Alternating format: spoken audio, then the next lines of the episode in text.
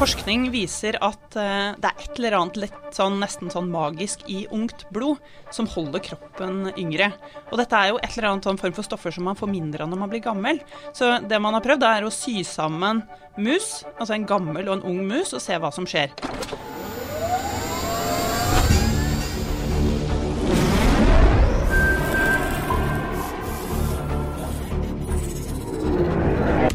Velkommen til Teknisk sett, en podkast fra TU. Mitt navn er Jan Moberg, og jeg står her med Odd-Rikard Valmot. Hei, Jan. Hei, du. du det, først må jeg si at det er fint å være tilbake i studio. Ja, det er det. Virkelig. Og, ja, og dernest så skal jeg gratulere deg med dagen. Takk, Jan. Ja, Det begynner jo å bli noen år. ja det gjør det. Ja. Men, eh, men ikke sant, du er jo kjapp da på avtrekket nå blant alle disse 687 favorittområdene dine. Med en gang du har bursdag, så kaller du jo inn en, eh, en eh, med professorgrad i cellebiologi. Ikke sant? Ja. For nå, nå vil du vite hva kan du gjøre nå?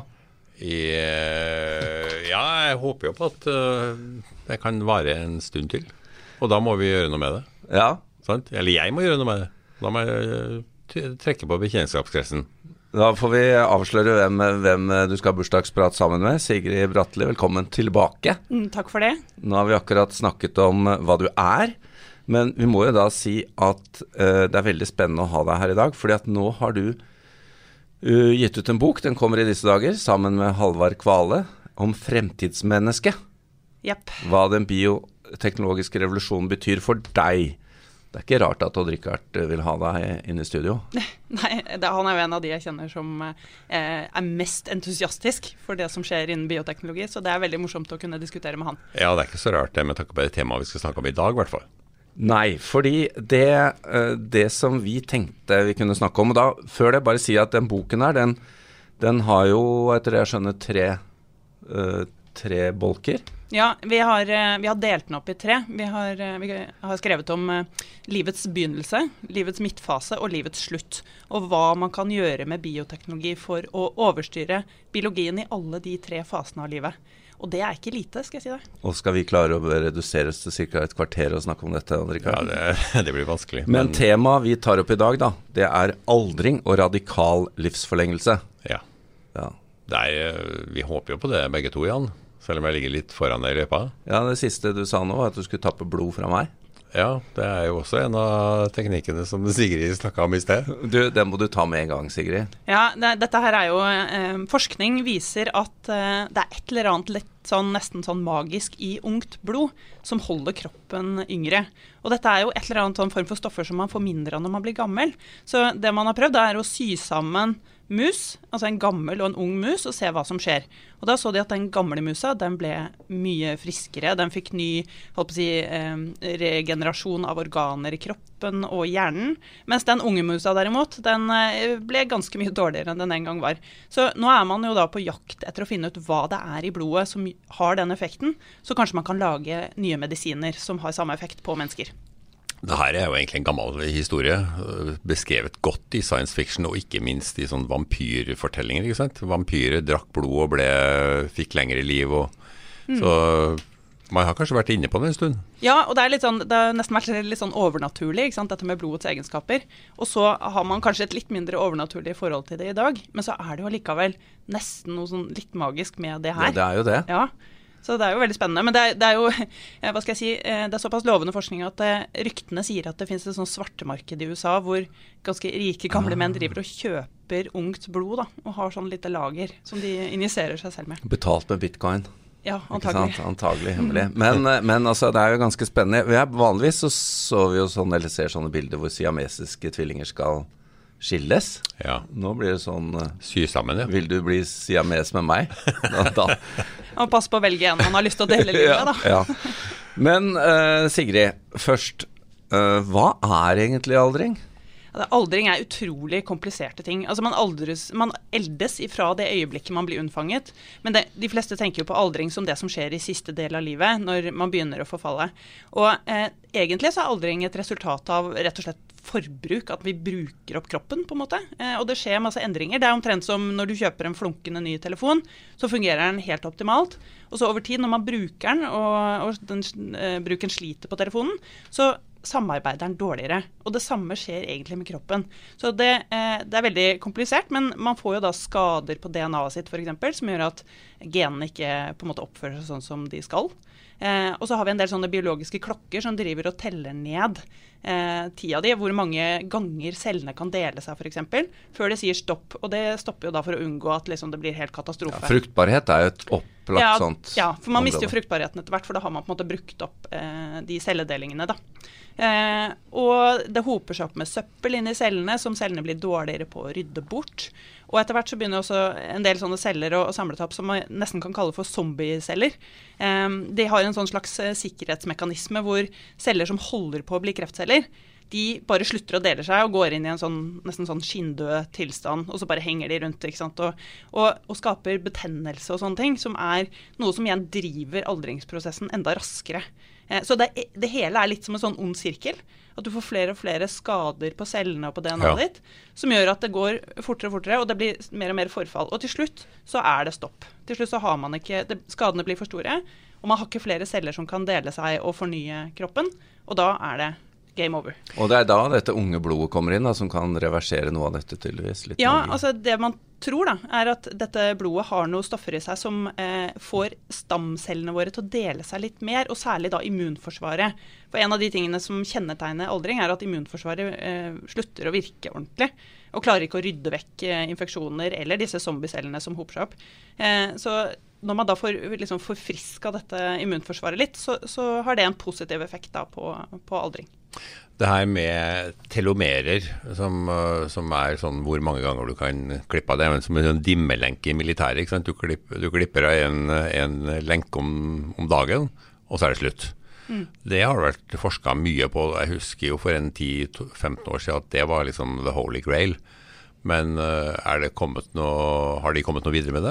Ja, altså Det er jo en av disse biologiske klokkene som jeg akkurat nevnte, som Ja. teller ned. Fordi det, det er jo, som du sier, Man mister en og en bit. Og Det samme skjer da.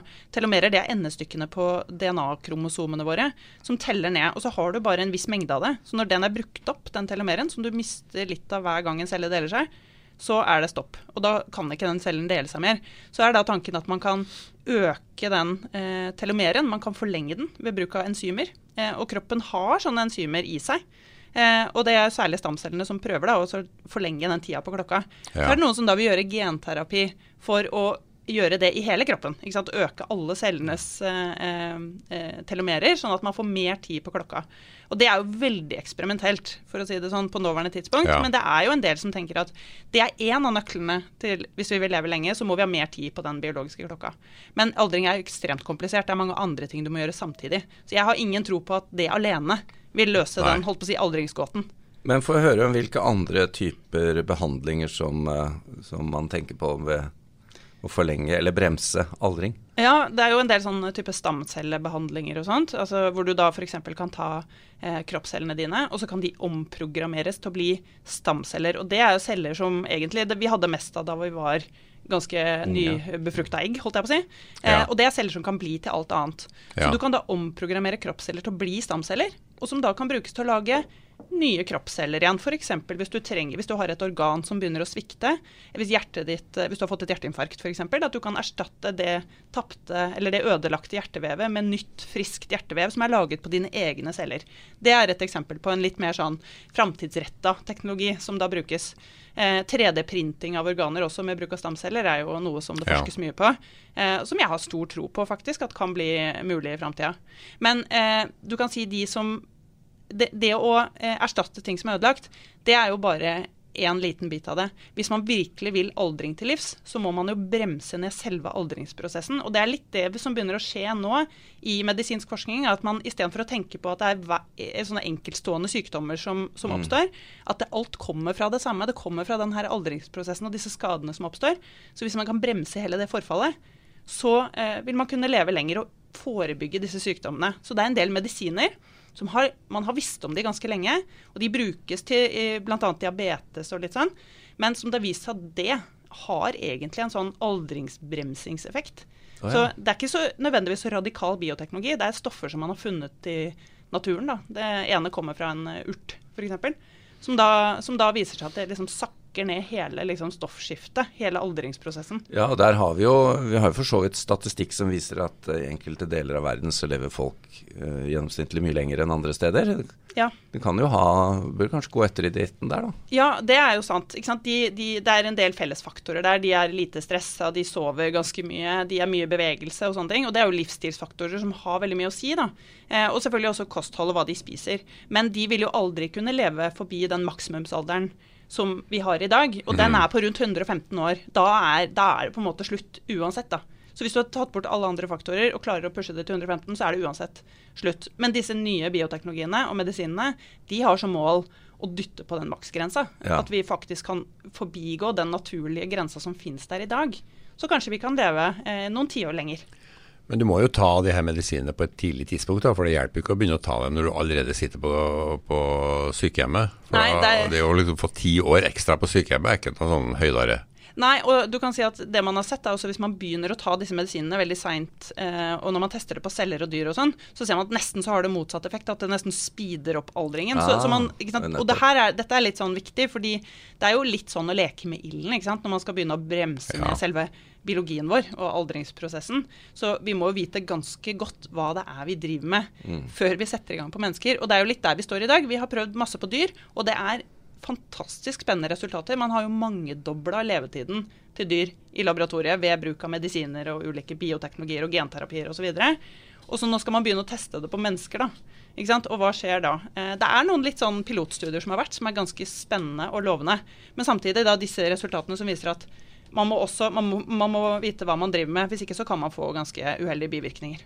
Ja, og Så kan vi jo selvfølgelig spørre oss er det her etisk, at vi skal leve i 120 år. Vi ja. fyller jo planeten med gamlinger. Hva vil du da?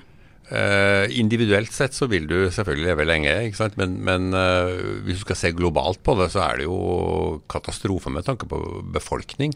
Ja. Kanskje, du, kanskje du er i reproduktiv alder mye lenger og får flere kull, flere barn etc., etc. Dette er jo ikke bra for moder jord. Og så må man jo se på hvordan folk har levd, om du ønsker at den type personlighet skal få leve lenger. Ja, akkurat. ja, ikke sant? Du så på meg nå, Jan. Nei, jeg gjorde ikke det, Odd Rikard. Men uh, hvor, hvor, mye av dette her uh, Vi har jo snakket om, uh, om, genteknologi og sånn. Vi er jo midt inne i dette også. Mm. Og, og der er det jo funn nå som Altså, hvordan skal man kontrollere den utviklingen, da? Oh, det er et veldig godt spørsmål, og det er jo det alle klør seg i huet og spør om. Eh, fordi det er også, særlig når man lever i en global verden, da, så skjer jo ting eh, ute i andre deler av verden. Så selv om vi velger å ha regler og lover her hjemme, så er det ikke alltid så lett å kontrollere det, for folk kan jo reise utenlands. Ja. Eh, og I tillegg så blir jo disse teknologiene enklere og enklere å bruke, så det er flere og flere som tar dem i bruk. da.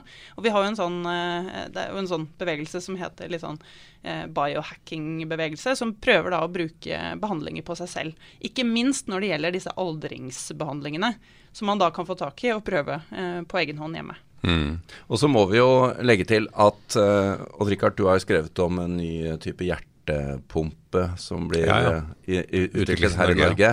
Vi har exoskjeletter, og du har sånne eksterne, sånne rene teknologiske faktorer òg. Det også er jo med på å sørge for at altså den miksen av disse tingene da, kan jo virkelig bli dramatisk forlengelse. Ja, jeg er helt enig. Og det, det er jo litt det som er viktig, å se litt på helheten. Ikke ja. bare enkeltteknologier, men hvordan totalen er, og hvordan de virker sammen, disse teknologiske utviklingene. Så det at vi får kunstig intelligens f.eks., som kan hjelpe oss å i mye større grad forstå aldringsprosessen f.eks. For, eksempel, for det er jo fortsatt litt sånn mysterium hva det er i detalj som skjer. Så når vi får den kunnskapen, så vil jo det akselerere voldsomt ja. også utviklingen av nye behandlinger og medisiner. Det er, eh, det er en spennende fremtid. Altså spørsmålet er, som jeg må stille meg personlig, kommer det tidsnok? Det tror jeg ikke. Ja, altså Men for, for, barna mine, kanskje? Kommer ja, kanskje. gradvis, gjør det ikke det? Jo, det kommer jo gradvis, men det er jo fordi at aldring er så sammensatt. For ja. en del sykdommer så er det jo sånn ett gen som er feil, og da er det jo ganske lett å vite hva man skal gjøre for å behandle den. Men i aldring så er det så mange ting som man må kontrollere samtidig. Mm. Jeg tror det tar lang tid før vi kommer dit at vi kan styre det i så stor grad. Men jeg tror at i framtida en gang eh, så vil vi kunne leve flere tiår enn vi gjør i dag. Ja, flere tiår, ja. Ja, det tror jeg. Ja. Eh, Jeg tror det er mulig å dytte på de grensene betydelig. Noen tror jo at tusenåringen allerede lever, på en måte. Ja, det har jeg også hørt. Ja. Jeg, jeg er nok ikke helt der. Jeg tror det er for komplisert, og det er for mange faktorer som skal kontrolleres eh, samtidig. Så det, det har jeg ikke noe tro på. Men jeg tror at vi med bioteknologi kan dytte på maksgrensa. Altså, det har skjedd så mye de siste årene som eh, fullstendig, var fullstendig science fiction bare for noen år siden, og jeg Ja. er helt sikker på at vi ser mer av det. Da må jeg stille et uh, siste spørsmål, uh, fordi uh, hvis, hvis man liksom tenker at oi, dette er nært forestående, men jeg rekker det ikke, så er det noen som snakker om nedfrysing for å vente og så bli tint opp igjen, og så våkne til en verden der du får alle hjelpemidlene. Ja, altså sånn Teoretisk sett så er det jo kanskje ikke helt umulig, men jeg, jeg, jeg har, det er ikke der jeg har mest tro. Og det spørs jo litt når du fryser deg selv ned også. Hvis du er på en måte på randen uh, av døden, så, så er det kanskje litt for seint uansett, selv om når du Det er veldig dilemma, da. Ja, det er jo det. Eh, og hvis du dør ung, så dør du jo gjerne kanskje i en ulykke eller noe sånt, så da er det jo kanskje litt sånn også litt seint. Jeg vet ikke, eh, men jeg har mer tro på at vi skal kunne bremse aldringen eh, mens man allerede lever. Sigrid Bratli, tusen takk for at du kom innom. Dette er jo altså et så spennende tema, og vi skal lage flere podkaster med deg om andre temaer. Og, og Richard, det er bare å glede seg. Ja, jeg får uh, ta noen piller eller fryse meg ned, så jeg får være med på hele moroa, tror jeg. Du, du er den eneste jeg vet om som, som med viten og vilje drikker placebo, nemlig gin tonic. Så uh, fortsatt god bursdag. Takk. Takk.